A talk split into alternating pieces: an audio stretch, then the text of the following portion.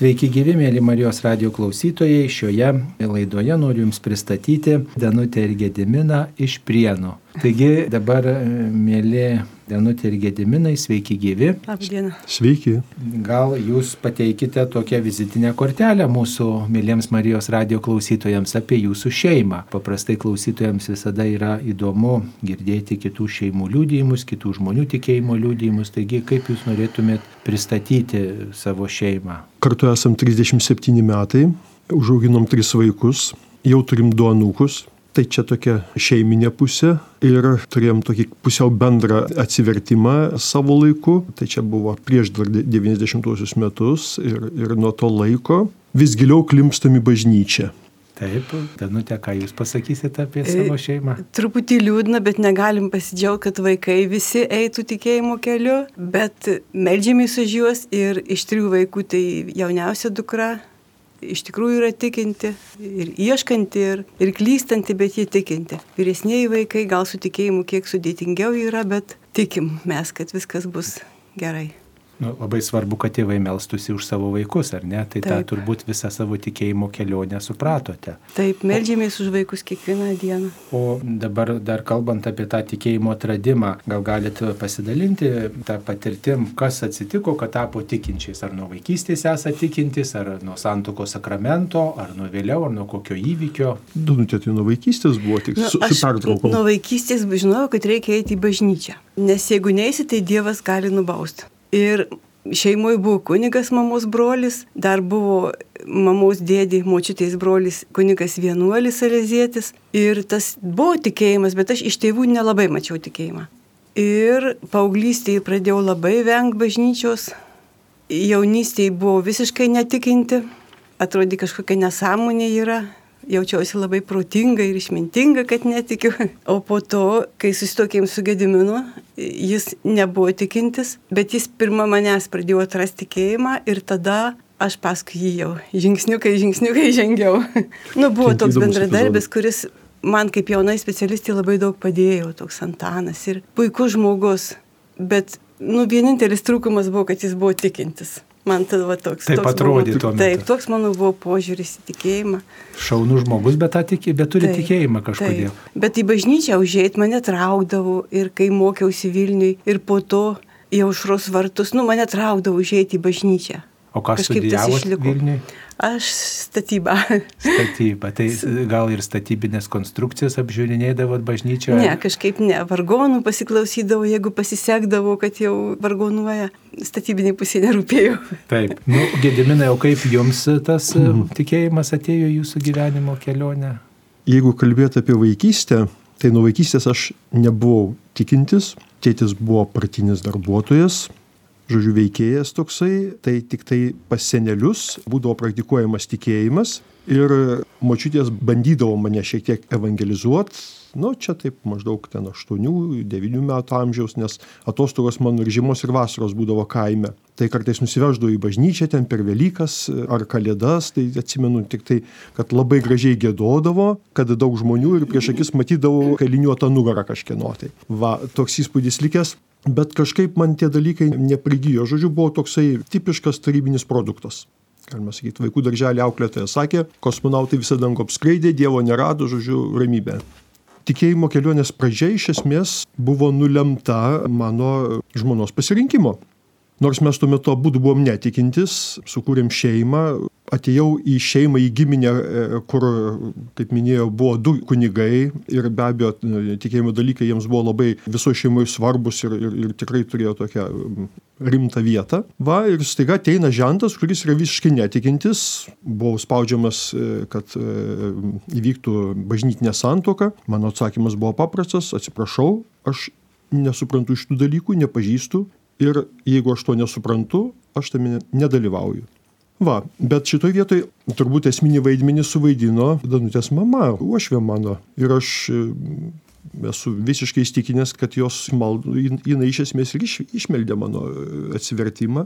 Va, bet pats procesas irgi buvo toks pakankamai banguotas, būdavo atvažiuodavau į kaimą, danutė kilus iš kaimo, o man nuo mažens kaimo darbai buvo įprasti, tai tai būdavo ten reikia šienaujų, reikia runkelius raunų, reikia ten šieną vežam, bet ką. Ar jūs ėjo akėjų, tai kol diena viskas tvarkoj, vakarė susėdam prie stalo, nu ir prasideda, nu tai va, tai nesusituokia, tai vaikai nekrikštyti. Ir vieną kartą mane tas tiesiog, liaudiškai sakant, užkniso, Sakau, nu baigit jūs tas nesąmonės, ko jūs iš manęs norit?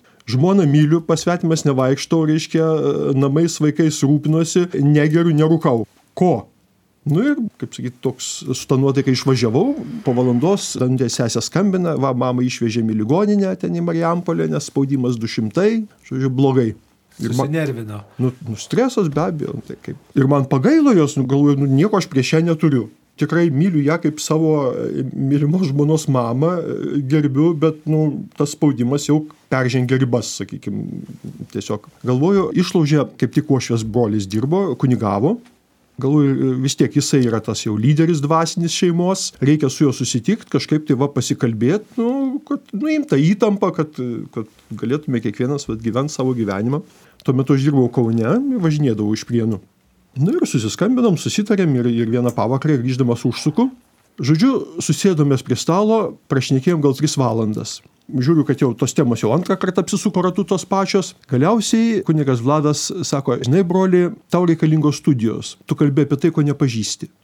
Įdavė man Naują Testamentą, nes neišleista, įdavė katekizmą, ten 56 metų laidos. Va, ir, žodžiu, studijuok, kai sako, kažką tai jau pradėsi ten, vat, pažinti, suprast, nu, tai tada galima kalbėtis toliau. Parsivežiau namo, sulaukęs savaitgalio, pasiėmiau pieštuką, reiškia atsiverčiau Naują Testamentą, pradėjau skaityti su tokiu nusteikimu, kad, nu kaip ašgi protingas vyras, raudonų diplomų baigęs institutą, čiagi manęs aplink pirštą neviniosi taip paprastai. Va, pradėjau ten e, pasižyminėti, pasibraukinėti, kur kažkokie vat, klaustukai tokie, nu šiaip aš inžinierius, tai techniškų mokslo atstovas, turi būti viskas logiška, aišku. Paskui kažkaip tą pieštuką padėjau į šalį, Ir, ir būdavo vis vakarais, prieš miegą vis, vis taip judėjau į priekį, reiškia, skaičiau, nu, pradėjo darytis įdomu. Ir atsimenu epizodas Evangelija pagal Joną, aš jau prieš miegant e, lovai, reiškia, ant šono atsigulęs, skaitau. Ir vieta, kur e, Jėzus ginčiasi su fariziejais ir Jėzus e, kalba apie Mozę ir sako, anksčiau negu buvo Mozė, aš esu. Nu, jie ten priekaištauja, kad va, tu ne 50 neturi, o ten apie Mosę kalbi. Bet va tas aš esu, paskui ta kitoje vietoje vėl tas pasikartoja Jėzaus žodžiai, aš esu toks šurpas per visą nuėjo. O, galvoju, geras, kas čia dabar darosi. Tiesiog, nu, tas būdintis protas, jis visą laiką seka, kontroliuoja, kaip sakyt, kas čia vyksta. Ir, kaip sakyt, tas irgi pradėjo įtraukinėti, nes, nu, veikia, kažkokie procesai vyksta, ne šiaip, o kad knygas skaitau nuo praktiškai vos ne penkių metų, tikrai jų perskaitė daugybė, tiesiog mėgstantis skaityti, va, o čia dabar tokie dalykai va, pradeda darytis. Galiausiai atsimenu, skaitau toliau ir neatsimenu, koks tas epizodas, tik atsimenu, kad puslapio kairėje apačioje. Ir staiga pradedu matyti, reiškia, tarsi kine. Vaizdas, kažkokie ten senovės miestas, triukšmas, šurmulys, ten balsai, klegesys, reiškia, Ir būdintis protas sako, palauk, palauk, broli, kas čia dabar su tavim darosi, reiškia. Nes pažodžiu iš teksto ten visiškai neišplaukia tie dalykai. Sustabdau save, skaitau iš naujo, visi tie dalykai vyksta. Ir tada kažkaip sustoju, nuščiuvęs visas ir toks suvokimas ateina, kad wow, kai mums dėstė ten tą alemokslinį ateizmą ir, ir visus panašius reikalus, sakė, kad, e, žinot, e, religija čia toks akių dumimas, čia tokia, nu, kaip sakyti, naiviems, čia yra visiškai įsigalvoti dalykai, o čia, vot, kas medžiaga, tai čia yra tikra patikima, žodžiu, ten marksizmas ir taip toliau. Va, ir tada toksai suvokimas, kad palauk, palauk, tai kad čia viskas atvirkščiai. Čia yra tikri dalykai, kurie, nu, kaip sakyti, pranoksta. Tuo metu, kai, reiškia, vyko va, tas mini, mini toks regėjimas, tai taip tikra, taip aišku, taip akivaizdu, reiškia, kad e, visam gyvenimui liko tas įspaudas, kad ten yra visas pasaulis, o čia yra tik tai ta medžiaginė ta dalis, kaip tarsi lietkalnio viršūnėlė būtų. Tai va, va ir klimpau. Na ir kaip tas tikėjimo kelias toliau plėtojosi, tiesiog pradėjot melstis, priėmėt e, sakramentus. Be abejo, perskaičiau. Tada skambinu, škia dėdė į išlaužą, jau sakau, norėčiau pasikalbėti ir, ir, ir daugiau kažką tai. Ai, sako, broli, žinai, ten prienusi jūs turit tokį kleboną, užupį, reiškia Juozą, eiktų pas jį ir su juo ten judėkit į priekį, sako, aš su juo pasikalbėsiu. Na va, Tai iš esmės monsinjoras, nu, jau metai kaip amžinatilsi, ir buvo tas, kuris mane, sakykime, atvedė už rankos į bažnyčią. Lankydavus pas jį, jis man duodavo pasiskaityti, dar tada tų, e, tos knygos, e, kaip sakyti, mašinėlės spausdintos ant tokių permatomų lapų, va, tokias knygas. Ir, nu kaip sakyti, kuo toliau į mišką, tuo daugiau medžių ir jaučiau, kad tiek įtraukia, kad niekur aš kitur nenoriu. Reiškia, tai tolin labin, paskui ten jau buvo laiko klausimas, kada prieimiau jau, nu, išpažinti atlikau, komuniją prieimiau, vėlų vakarą atsim, kad jau sutemus buvo bažnyčia to prieblanda. Tada pirmiausia, aišku, vaikus pakrikštijom, santoka truputį vėliau dar užtruko, taip. Ir mano tėtė sako, nu, anksčiau būdavo taip, kad pirmą ženėsi, tada vaikus krikštijo. O pas mus atvirkščiai buvo. Sakau, kad ai mes jau apsiženė, tai jau gal ir, jau ir užteks tiek. O va, pasirodo, neužteko po kelių metų ir santoka.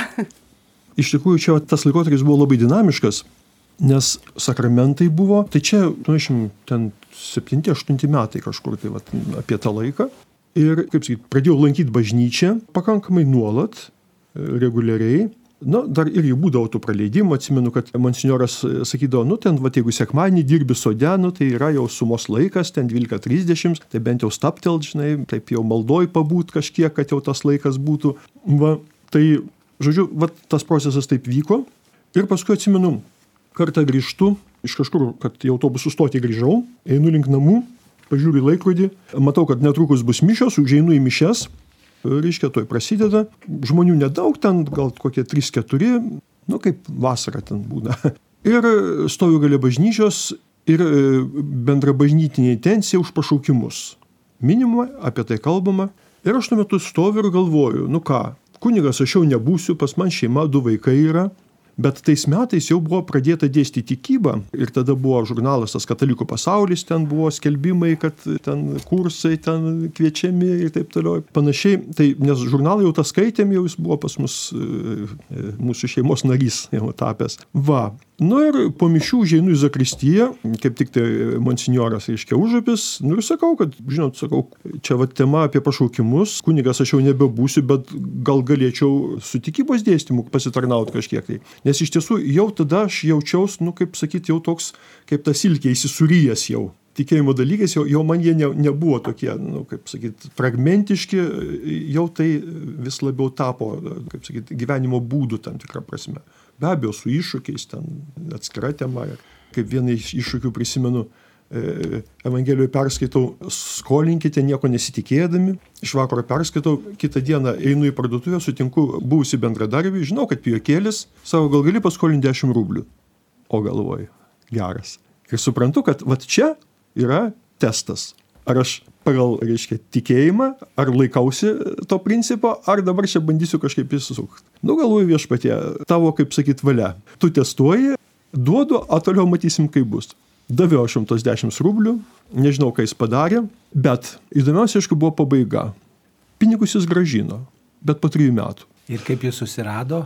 Ateis gretimam namie gyvenu, Ai, kur. Jūsų pažįstamas, kaimynas beveik nu, kažkada gamykloje dirbom kartu, tai taip. Tai kaip išgyvenot, kai gražino tos pinigus, ką išgyvenot? Džiaugsmas, be abejo džiaugsmas, wow galvoju geras, vis dėlto, vis dėlto taip. Aš žinot, jau tų tikėjimo patirčių tokių nedidelių jau būta ir, ir daugiau, kur, kaip sakyt, tos testus vienus išlaikai, kitus susimauni, paskui iš naujo, reiškia, pakartoti tenka ten kitom šiek tiek aplinkybėm. Tai galima sakyti, kad e, tos uošvienės priekaištas kaip ir buvo tokiu slengščiu, paskatinimu, ar net tiesiog susidomėti tikėjimu. Čia va gal Dievas irgi tokį priekaištą pasirinko kaip e, kelio pradžiai į tikėjimo gyvenimą. Žinot, aš uošvę laikiau savo įtikėjimo mama. Vienareikšmiškai. O kaip aš susiradau savo žmoną, tai manau, kad, kad čia pavaizdos irgi buvo e, pridėta ranka. Kadangi vėlai atradom tikėjimą, aš auginau vaikus du, jie vienas po kito. Nu, mes auginom du vaikus. Aš su vaikais namuose daug būdavau ir vaikus auginant laiko atliekamo nėra. Gedinas jau kiekvieną sekmadienį eidavo į bažnyčią, jau iš tikrųjų jis tą jau praktikavo tikėjimą. Ir sakydavo man, kaip aš laukiu, kada mes visi kartu eisim į bažnyčią. O aš galvoju, nu, man sujaukdavo kažką viduje, tas jo klausimas, nu, suerzindavo. Nes, nu, aš neturiu laiko eiti į bažnyčią, vaikai namuose du maži. Tai va, jie buvo jau kai buvo, nu, priimi ir komuniją, ir sutvirtinimo sakramentą, viskas savo laiku, bet jie tikėjimų taip ir netrado. Eidavo su mumis į bažnyčią ir sunus ir dukra, bet jie dabar nėra tikintys. Gal dukra šiek tiek, bet praktikuojantys nėra. O jauniausioji mūsų pagrandukiai, kuri jau gimė, kai mes jau abu tvirčiau žengim tikėjimo keliu, o jinai kažkaip ir atrado tikėjimą. Jinai nuo vaikystės buvo labai tikinti ir labai pamaldi. Labai paauglystėje, tas ieškojimo laikas gal kiek ir nutolo, dabar jie 24 dar tik tai ir jinai tikinti, bet turinti nuoskaudų bažnyčiai ir nustoju praktikuoti. Bet tikrai tikiu, kad Dievas ras būdą prikalbinti ir ją, ir kitus du vaikus, kurie labiau nutolę nuo tikėjimo. Nu, o kaip jūs pradėjot melstis? Ar pasirinkot kokias maldas iš maldaknygės, ar tiesiog savai žodžiais pradėjot melstis, gal e, štai kaip atrado tikėjimą, ar meldėtės taip formaliai, ar iš tiesų va, ta malda tapo tokiais klyjais tikėjimo, tokiu gyvuoju vandeniu, kuris tą tikėjimo medį gaivina? Man gal ne nuo pat pradžių, bet nu jau virš 20 metų, kai aš melžiuosi su šventųjų raštu. Ir prasidėjo nuo to, kad pas mus, kai parapija atėjo naujas kunigas, vikaras, visiškai jaunas. Ir sukūrėm tokią grupę su mūsų parapiečių iniciatyva, bet jis vedė. Taip ir vadino maldos grupė. Ir ten kiekvieną dieną, kiekvieną savaitės dieną skaitydavom kažkokį tekstą iš švento rašto, jis duodavo ką skaityti ir susirinkę kalbėdavom apie tai, kas man labiausiai prakalbu. Tai va taip ir atradau maldą su šventu raštu, o toliau ir, ir, ir rekolekcijas labiau pagal ignacišką dvasingumą pradėjau, tai jau virš 20 metų, kai rekolekcijas važinėjau. Ir po to atradom tą krikščioniško gyvenimo bendruomenę, kuri remiasi ignacišku dvasingumu. Tai tikrai labai stipri, labai gera mokykla yra šita bendruomenė daug tvirtumo duoda ir žinių duoda. Gediminai pasidalinkite savo asmeninės maldos patirtim, jūs jeigu esate inžinierius, racionalus žmogus, kaip čia melstis, kaip čia kalbėti tas maldas, kad atrodo tokia nu, neapčiopiamybė ir netarsi tai skraidai, tarsi kažką sakai, ko nematai. Kaip va, malda atėjo jūsų gyvenimą? Pradžia, kai tas atsivertimo, sakykim, tas laikotarpis tai buvo irgi, sakykim, ten pasiskaitydavau, kad štai prieš darbo pradžią ten vat, reikėtų pasimelst, ten prieš kažką tai veikiant. Tai tuo metu Kaune dirbau energetikos institute. Ryte aš ten ateidavau į darbą, kadangi autobusas važiuodavo anksti, tai pirmas būdavau darbe, tai būdavo laikas ir pusryčiams tenais ir tiesiog sustodavau Nu galvoju, nu kaip čia dabar melsiuos. Nu bandau, reiškia, ten pavyzdėliai būdavo kažkokie tai duoti, reiškia, kad palaimintų dieną, tą darbą. Ir pradžia buvo be abejo su tom rekomenduojamom maldom, ten vienokiam ar kitokiam. Nes, nu žinot, kaip tiksliam žmogui atrodo, tai jeigu čia kažką neteisingai padarysi, tai paskui neteisingai ir suveiks. Va, Bet ta patirtis po truputį augo ir važiuodavau kartais atsinaujimo e, dienas pas gyvosius akmenys į Kauną, vis tik tai tai netoli šita e, jų malda ir gėdojimas, šlovinimas, jis man darė įspūdį, nors, nu kaip sakyti, ir kartu, kad užuodom e, visiškai ten iškėlus rankas ir pasišokinėjant, pradžioj kažkaip nejauku būdavo. Dabar tai jau tas visai nesvarbu, kaip ten iš šalies atrodo, tiesiog nerimalda. Dar buvo labai gera patirtis, tiesa, tikybos mokytoju aš patapau, Tada ir atsimenu, gal po pirmų ar antrų metų buvo kelionė į Müncheną į tezę tos susitikimus. Nuėjo metinius, taip, kunigas Insoda e, organizavo, jis ten balbieriški tuo metu darbavosi. Va ir iš prienų buvo ten nemaža grupės dalis, tai ten buvo labai įdomios patirtis ir tas susitikimas ir, ir ta tokia meditacinė malda, tokia, nu, jau, jau, jau į, į kontempliaciją vedanti Vasarą jau mes patys organizavom autobusą į patį tezę iš prienų, tai ta patirtis vėl ten visą savaitę toj maldoj. Taip nebuvo, kad, žinot, taip pat ėmė ten pikšti ir atsirado, kaip radijai jungia, reiškia, prasidėjo. Kelionė, tiesiog augimas su savo bangom, pakilimais, kažkokiais truputį atsitraukimais, bet visą laiką, va taip, va, tolyn, gilyn, platyn ir Ačiū Dievui. E, taip, tai čia toks labai asmeniškas dalykas yra ta tokia malda, kur, kuria melžiamės taip, kaip mokam, kaip sugebam vieni, tačiau yra ir žmonių, tikinčių žmonių, kurie melžiasi šeimoje kartu. Kaip e, šiuo klausimu jums sekasi, ar melžiatės kartu ir kokias maldas tada pasirenkate? Buvo laikas, kai meldėmės rožinį kiekvieną vakarą čia jau kai vyresniai vaikai paliko namus ir su mažaja melsdomės visi trys kartu, po to jau dviese. Ir, bet nu, nėra pas mus daug bendros maldos. Ir laikas maldos abiejų skiriasi tiek ryte, tiek vakare. Bet jeigu kažkur važiuojam, tai arba gailestingumo vainikėlį, arba rožinį melžiamės priklausomai nuo atstumų. Kai einam vis dažnai į birštoną, mėgstam nueiti iš prienų arba kitur, melžiamės rožinį eidami Nu ir kartais užtarimo malda nėra maldos. Norėtųsi, kad jos tikrai būtų daugiau bendros maldos. Tai iš tikrųjų daugiau vis tik tai asmeninė malda pas mus ir, ir su šventuoju raštu. Nu, rytais turbūt tiek Danutė, tiek aš iki valandos tenka maldai. Iš ryto, nors kažkada buvo sunku suvokti, kad tiek laiko galima būtų dienoje paskirti maldai. Bet vat, vainikėlis rožinis pas mus yra labiau kelionių ir išvykų maldos kada jau kažkur tai keliaujam, skrendam, važiuojam ar pėstė einam, tai va ten jau kažkokios intencijos būna, kad ir kalnus lipant e, ir su intencija, su malda ir keliaujam.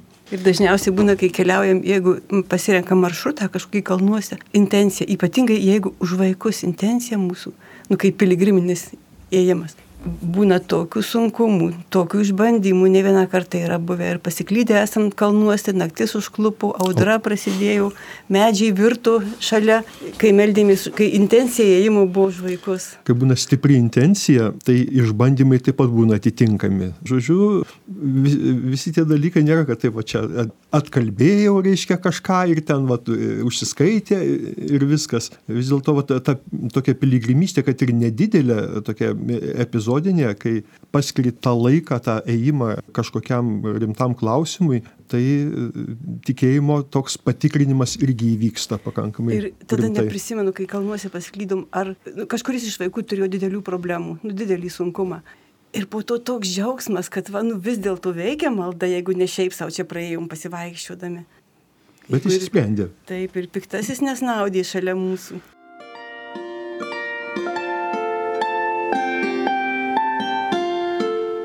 Jūs girdite Marijos radiją.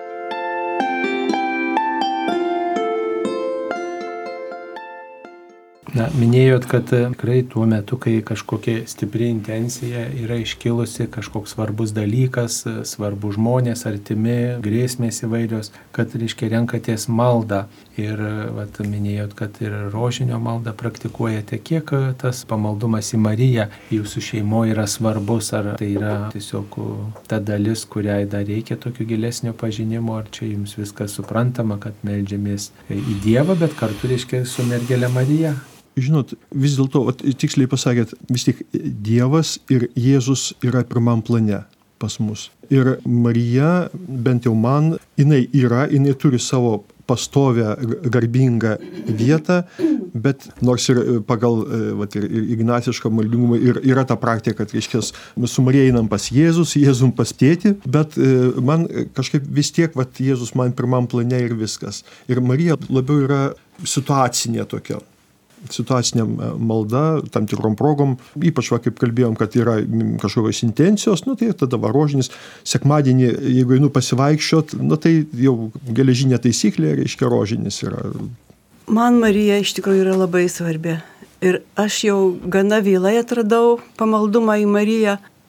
Ir aš gimus lipo 16 ir tik, nu jau būdama gana brandžiam amžiui, supratau, kad tai yra Karmelių Marijos šventė, kad tai yra Marijos kaplerinės iškilmės ir man dar svarbesnė pasirodė Marija, tuo labiau dar, kad turėjau gimti rūpiučio pradžioj, bet Dievas pats mane išrinko, man išrinko Mariją kaip globėją. Ir man ta vieta, štai tavo motina prie kryžiaus labai svarbi. Ir tikrai tikiu, kad Marija labai, man labai stipri užtarėja yra, pasitikiu ją ir beveik visuose reikaluose prašydama Dievą arba dėkodama Dievui, mano maldos yra ir Marija. Nesakau, kad svarbiau už Jėzų, kaip vieni sako, Jėzus svarbesnis, taip, tai tikrai, Bet, nu, man Marija yra labai svarbi ir norėčiau, aišku, įprasti melstis rožinį kiekvieną dieną. Bet va kažkaip vis tai pritrūks laiko. Bet ryto maldoj Marija visada kartu su manim meldžiasi. Ir Marija ir Šventasis Juozapas man jie yra patys svarbiausi, patys brangiausi šventieji. Taip, gegužės mėno taip pat yra pašvestas bažnyčioje mergeliai Marijai pagerbti. Čia mūsų kraštuose yra tos gegužinės pamaldos, kai gėdama litanija, kai gėdama speciali giesmė. Tiesiog žmonės nuo seniausių laikų pamėgė šitą tradiciją ir gegužės pabaigoje, gegužės 31-ąją minime mergelės Marijos apsilankymą pas Elsbietą. Kaip jūs mėgstat lankyti kitus ar priimti svečius į savo namus? Kai svečiai yra, jais džiaugiamės, bet nesam tie. Kai svečiai išeina, tai dar labiau. visai būna, visai būna. Kažkaip nesam didelių kompanijų žmonės.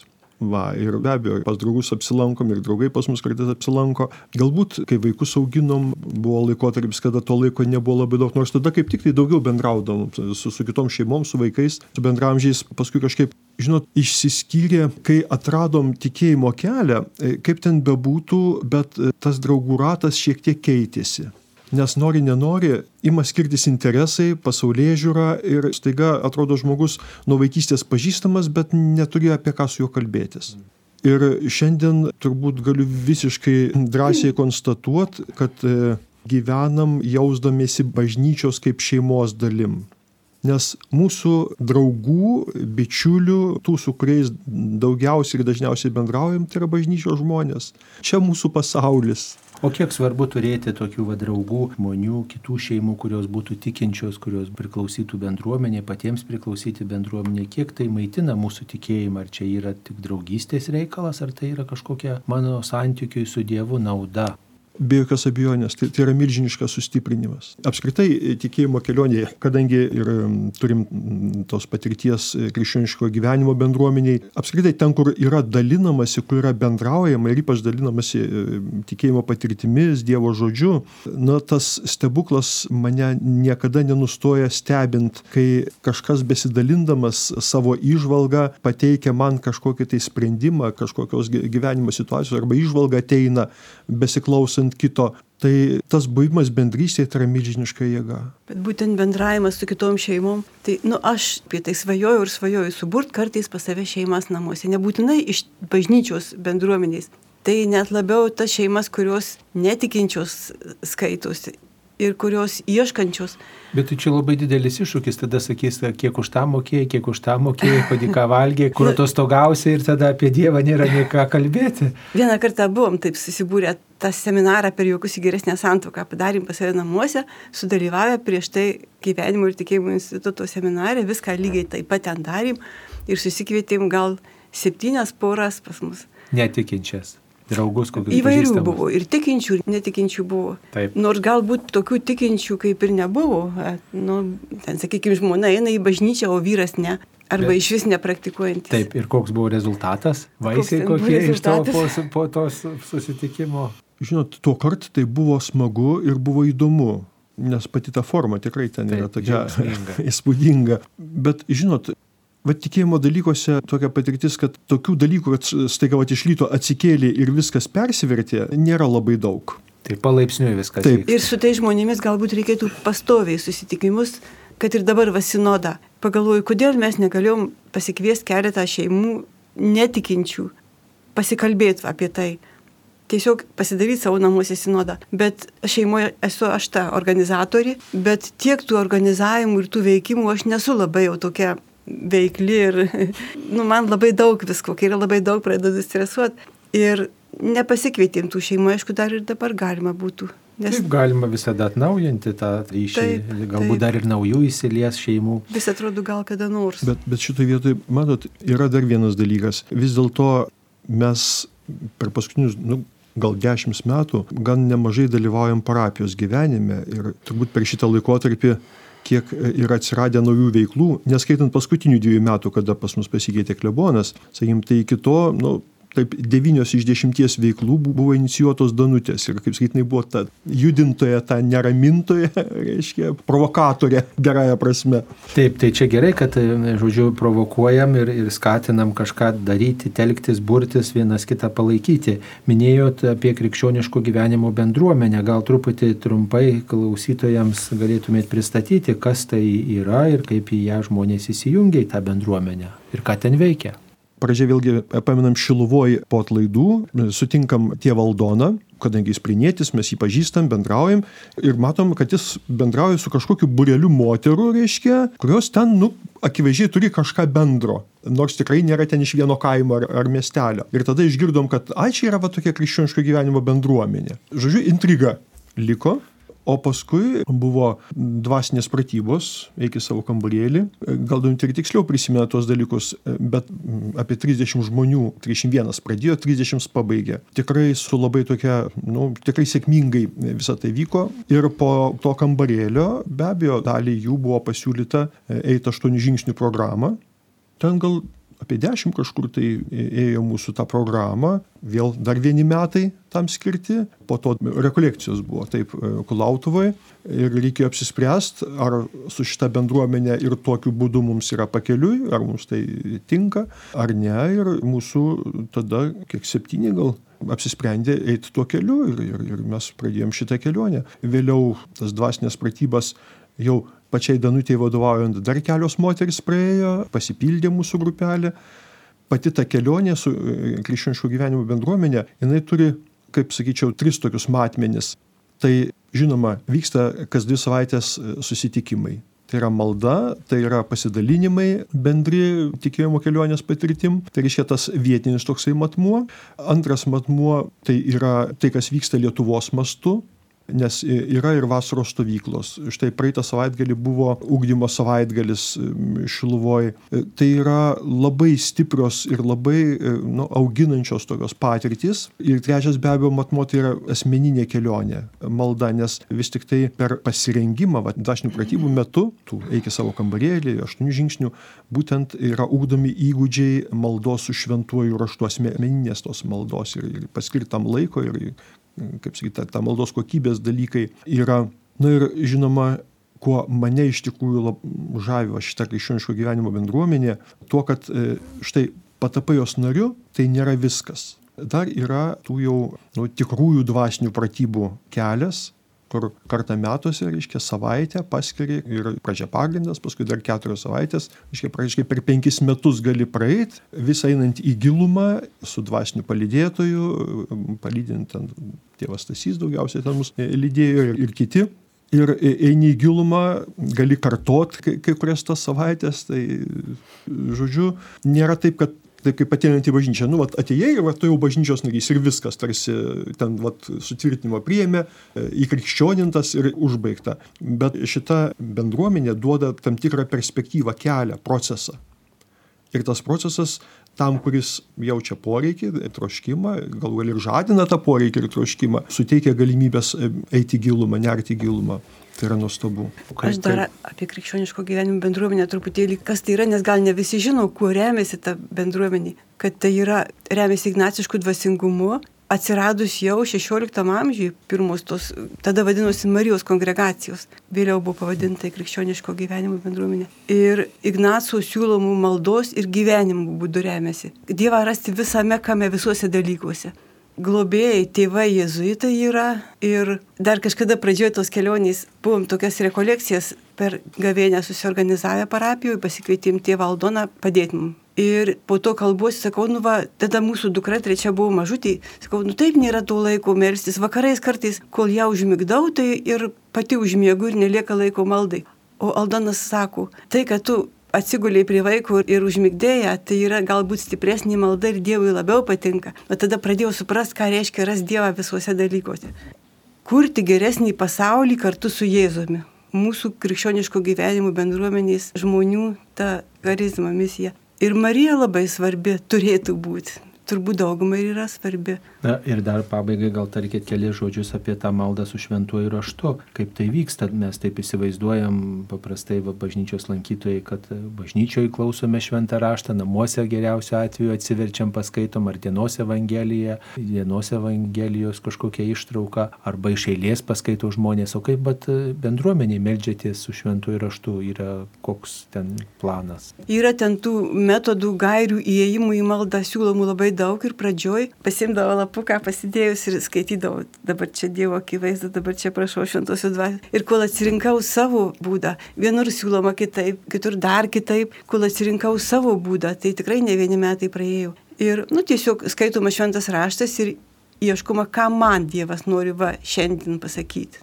Kartais paliečia širdį kažkokie žodžiai, pasilieki su jais, vėlgi Ignacas sako, kad pasilik ties tuo, kas maitina. Ne žinių gausa maitina sielą, bet skonėjimasis tais dalykais atrastais. Malda su šventuoju raštu, tai tos ištraukos būna paprastai pasirinktos laisvai, ar čia bendruomenė nustato kokie? Galima laisvai, bet ir Gediminas ir aš mes melžiamės su tos dienos liturginiais skaitiniais. Ir yra ignaciška meditacija siūloma. Ignacijas siūlo meditaciją, tiesiog apmastyti, kiekvieną tą, net punktais galima susiskirstyti, apmastyti ir dar Ignacijas siūlo vaizduotę įjungti, būti vienu iš tų dalyvių, pajust kvapus, įsivaizduoti aplinką, nebūtinai tą, kurioje vyksta ta scena evangeliniai, galiu savo namų aplinką, bet sakykime, aplankimas. Nu vėl įsivaizduoju, kaip čia pas mane kažkas ateina, galiu būti Elžbietos vaidmenyje, galiu būti Marijos vaidmenyje, galiu ir vieną, ir kitą. Arba ir va, trečias stebėtojas kažkoks. Arba stebėtojas, taip. Ir va taip, bet man tiesą sakant, sunkiai vaizduotė įjungti eina. Ir mane labai paguodė Teresį Savilietės pasakymas, turbūt jos knygo gyvenimas skaičiau, kad jei taip pat nesisekė melstis vaizduotės malda, iš karto širdis kažkaip įsijungia, širdis ima melstis. Labiau širdies malda, ne proto malda. O kas yra širdies malda, pasakykit, ką reiškia melsti širdimi? Kai net nereikia jokių pastangų, kai meldies ir pagauna tą maldą. Kai... Bet tai čia yra dovana tokia, ar čia yra išugdoma tas kažkas? Aš manau, kad dovana, kartais gauni, kartais negauni. Kai žinai, ar galima išmokti, nežinau. Ir apie tą džiaugsmą maldos. Man taip gražu, kai Dovydas šoko priešais viešpatie skrynę. Man taip gražu, kai visiškai nerūpi niekas, kaip čia kas atrodys, vien tik tai tas džiaugsmas maldos. Tai būna kartais tokia dovana, bet nedažnai. O gedimina, jums būna džiaugsmo dovana? Tikrai būna. Iš tikrųjų, prisipažinsiu, paskutiniai keturi metai man tą visą maldos gyvenimą padėjo labiau sustiprinti ir struktūruoti, kadangi prieš keturis metus pradėjau ruoštis nuolatiniam diakonatui. Tai mums tiesiog buvo ten kaip prievolė pasakyta, kad štai turim melsis liturginės valandas. Va. Ir man nors iki to atrodė rytas, nu kaip čia dabar ryte tiek laiko rasi. Bet vis dėlto, vad kažkaip pavyksta atsikelt anksčiau. Ir taip 45 minutės kartais ir virš valandos gaunasi. Pradedu nuo įžangos, po įžangos pereinu prie dienos skaitinių ir ties jais pasilieku. Vat tai, kas man ten skamba, kažkaip bandau tame būti iš tikrųjų tai geriausiai sekasi šeštadienių rytais, kada jau niekur nereikia skubėti, nes sekmadienį bažnyčia, o, o šiokiam dienom vis tiek darbai rūpeščiai. Tai va šeštadienio rytas kažkaip tas būna toks, kada pagauna ir nuneša, ir, ir tada ir pagoda, ir džiaugsmas, ir tos patirtis tokios maitina paskui ilgai. O kasdienoj, tai ryto tokios patirtis yra dviejopos. Jeigu, sakykime, nu, kartais papuol anksčiau atsikelt, kartais netaip anksti. Ir jeigu ne taip anksti, žymiai anksčiau pradeda trūdyti jau kažkokios mintys dienos rūpeščiai. Reiškia vis tik va tas laiku atsikelt, kad jau, nes, žinot, ten kokios jau aštuonios artėja, žinai, kad čia va reikia eiti jau darbu užsimt, va jau pradeda mintis kilt, aha, ką reiks ten tvarkyti, kažko pasirūpinti. Va, tai reiškia, o laiku pakankamai anksti atsikėlus, jos dar matyt nebūna atėję iki, iki mano kambarėlio.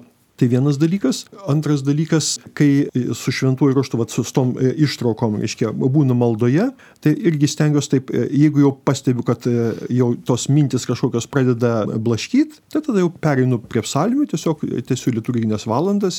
Paskui dar, žinoma, ta maldos intencijos, tai jau, jau ten jos prasiplečia jau su savo asmeninėm intencijom, tai ta dalis irgi būna ganėtinai ženkli, gaunasi valanda, bet vat, šita patirtis jinai tiek man įėjo, reiškia, kad nesvarbu, ar kažkur tai važiuoju, keliauju, ar to automobiliu, lėktuvu, bet kur. Reiškia, vat, šita ryto dalis yra, nu, tiesiog yra neatšaukiama besąlygiškai. Tai tikėjimo kelias svarbu, tas pastovumas, ištikimybė tokia Dievui, net ir bet kokiom gyvenimo sąlygom įprotis melstis. Taigi dėkojam Danutės ir Gedimino Olsevičių šeimai iš Prienų, kurie pasidalino tikėjimo išvalgomis. Štai ši šeima jau 37 metus kartu užauginę tris vaikus ir du anūkus. Tikrai tegul tos tikėjimo liūdėjimas praturtina ir pažadina, paskatina mūsų visų tikėjimo gyvenimą. Olsevičių šeimą šioje laidoje kalbino aš kunigas Saulis Bužauskas. Likite su Marijos radijumi. Ačiū, sudė.